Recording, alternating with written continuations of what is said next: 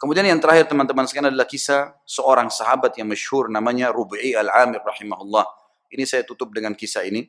Rubi'i bin Amir rahimahullah adalah seorang ulama, eh, bukan seorang ulama, bukan seorang ulama, salah satu pasukan perangnya Sa'ad bin Abi Waqqas yang akan masuk yang akan di, yang diutus oleh Sa'ad bin Waqqas untuk mendatangi ya Rustum. Rustum ini adalah panglima perangnya Romawi, eh, maaf Persia, panglima perangnya Persia. Rubi al-Amir bin Amir rahimahullah ini terkenal sekali orangnya. Waktu dipanggil oleh Umar bin Khattab untuk berjihad, maka dia pun mengambil uh, panci masaknya yang dia letakkan di kepalanya. Karena tidak punya topi untuk berpakai berperang. Panci masak dipakai jadi topi, kemudian pisau dapur dibawa untuk berperang. Dia tidak punya pedang. Dia nunggangi keledainya yang tua, ikut di pasukan. Oleh Amir Mu'min Umar bin Khattab disuruh jalan, jalan. Subhanallah, saat bin Abi Waqqas waktu itu mengutus diutus pasukan oleh Umar bin Khattab dengan 30 ribu pasukan menghadapi 250, 240 ribu pasukan Persia. Dan Persia kaget. Waktu mereka pun tahu 240 ribu, mereka tidak mundur sedikit pun. Maka Rustum ini ahli perang. Dia bilang, saya mau tahu dulu, bagaimana sih kekuatan 30 ribu itu kok berani benar? Gitu kan. Seperti apa sih kekuatan mereka? Dikirimlah surat kepada Sa'ad bin Waqqas negosiasi.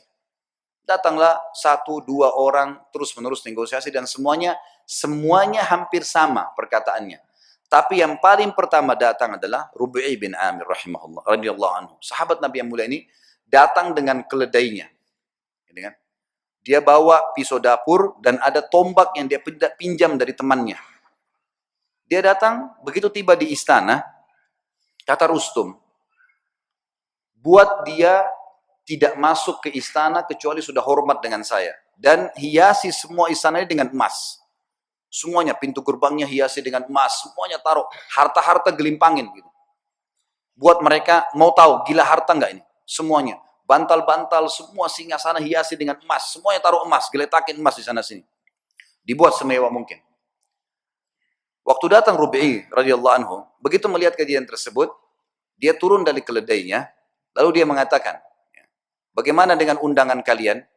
Kata mereka, kau tidak bisa masuk kecuali kau harus menghormati Rustum. Mengatakan, wahai Rustum yang terhormat, saya pamit mau masuk. Kata Rubi'i, saya tamu. Dan saya yang harus dipamiti untuk masuk, bukan saya yang pamit. Lalu Rubi'i melihat di situ ada tikar, permadani, di atasnya banyak emas.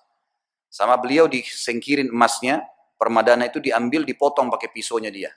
Dibelah dua, Diambil, ditaruh di keledainya. Dianggap sebagai ghanimah, harta rampasan perang. Ditaruh sama dia. Kemudian dia mengatakan, ini pembukaan harta rampasan perang kami kalau kau tidak buka pintu gerbang. Sendirian. Dan Rubai ini perlu anda tahu, orangnya pendek, kecil. Bukan orang yang tinggi kekar. Orang-orang Persia waktu itu tinggi besar, kekar-kekar semuanya. Diberitakan ke dalam. Kata Rustum, baiklah. Tutup pintu gerbang, buka sedikit saja supaya dia masuk tunduk kepada saya. Diperintahkan masuk, pintu gerbang dibuka sedikit. Memang tidak bisa orang masuk, harus tunduk. Maka Rubi lihat, subhanallah, Allah memberikan orang beriman itu hatinya bisa melihat. ya Dia bisa membaca, namanya firasatul mu'min.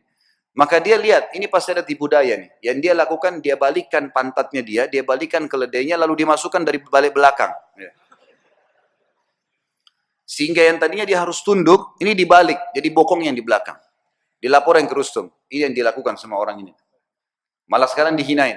Lalu dia naik keledainya, dia jalan. Subhanallah, tuh dia jalan, dia tidak turun dari keledai. Keledainya dimasukkan di istana Rustum dengan karpet-karpet yang mewah. Pisau dapurnya dipakai bolong-bolongin bantal itu semua. Bantal-bantal yang mewah. Semua di ini karpetnya ditusuk-tusuk dengan tombaknya sama dia. Sampai tiba depan Rustum panci di atas kepalanya, pisau di tangannya, tombak di tangan, pisau di tangan kanan, ini di tangan kiri, tombaknya. Kata Rustum dipanggil penerjemah, tanya kepada mereka nih, mau apa sebenarnya datang ke sini? Terjemahkan, hai orang-orang Arab, kalian kan dulu di padang pasir, tidak punya apa-apa kecuali gembala kambing. Untuk apa kalian datang ke sini? Kalau kalian butuh harta, sebut saja, kami akan kasih pulang. Kalau kalian butuh gembalaan, kami kasih berapa bun unta dan kambing yang kalian mau. Kalau kalian ingin jabatan, kami akan jadikan, pilih siapa yang terbaik, kami akan jadikan sebagai pemimpin kalian. Dan kami akan kasih gaji.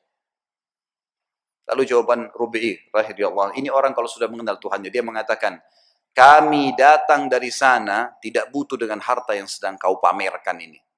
Dan kami datang mengeluarkan seluruh hamba termasuk kamu dan kami dari menyembah makhluk kepada menyembah pencipta sang makhluk. Itu saja. Kalau kau patuh, maka kau dengan kerajaanmu, kami akan pulang. Hukum Allah. Berhenti menyembah, karena waktu itu raja mereka Kisra dianggap Tuhan.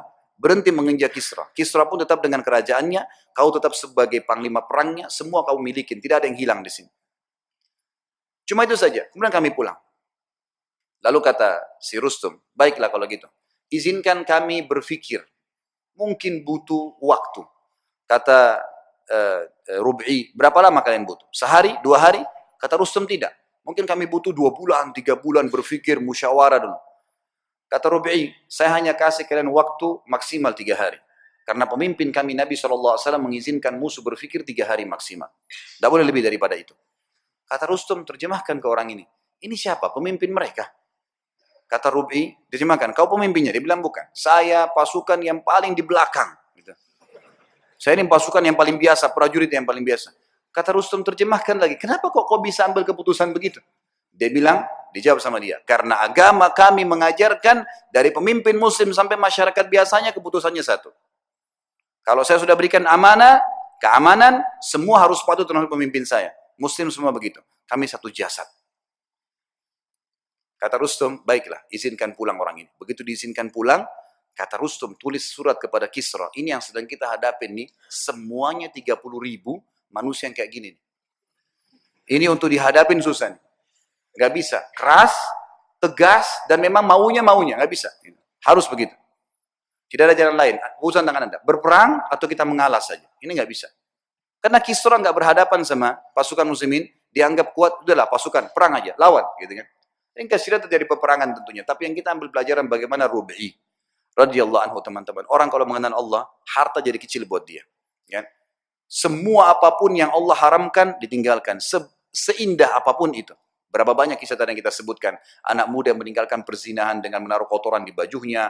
Berapa banyak orang-orang soleh yang sudah kita sebutkan kisahnya. Yang jelas yang kita simpulkan teman-teman sekalian berhubungan dengan Rabbul Alamin. Sering komunikasi dengan dia sebagaimana dia sudah ajarkan kepada kita semua. Mau keluar rumah ada doanya. Mau masuk rumah ada doanya. Mau makan ada doanya. Habis makan ada doanya. Doa itu apa? Komunikasi dengan Allah. Keluar rumah bismillah tawakkaltu Allah. Dengan nama Allah saya bertawakal menyerahkan diri kepadanya. Kata Nabi SAW, kata Allah SWT, wa may Allah fahuwa hasmu. Yang bertawakal pada Allah, Allah jadi pencukup baginya. Seorang syekh pernah menangkap di Riyadh, seorang penyihir besar. Penyihir terbesar ini datang dari Afrika, ditangkap. Waktu ketangkap, dia tanya syekhnya, saya nonton cuplikannya, dia bilang, bagaimana anda bisa menangkap saya? Padahal saya menaruh ribuan jin di depan saya. Tidak pernah saya bisa ditembus nih, baru kali ini dia bilang, ada yang bisa tembus dari anda.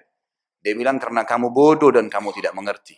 Kalau saya keluar dari rumah saya tadi, saya membaca apa yang diajarkan oleh Rasulullah SAW, Bismillahirrahmanirrahim saya bertawakal kepada Allah dengan nama Allah saya tawakal kepada Allah la haula wala quwata illa billah tidak ada yang kekuatan kecuali milik Allah dan saya yakin dengan doa saya dan kata Nabi SAW siapa pun yang membaca doa itu pada saat keluar rumah semua syaitan yang menemuinya akan berkata orang ini tidak bisa kita ganggu karena Allah sudah lindungin itu sebabnya saya bisa tembus kamu bukan cuma itu saya akan laporkan kamu dan kepala kamu akan dipenggal karena kamu seorang penyihir Ditangkaplah penyihir tersebut teman-teman sekalian.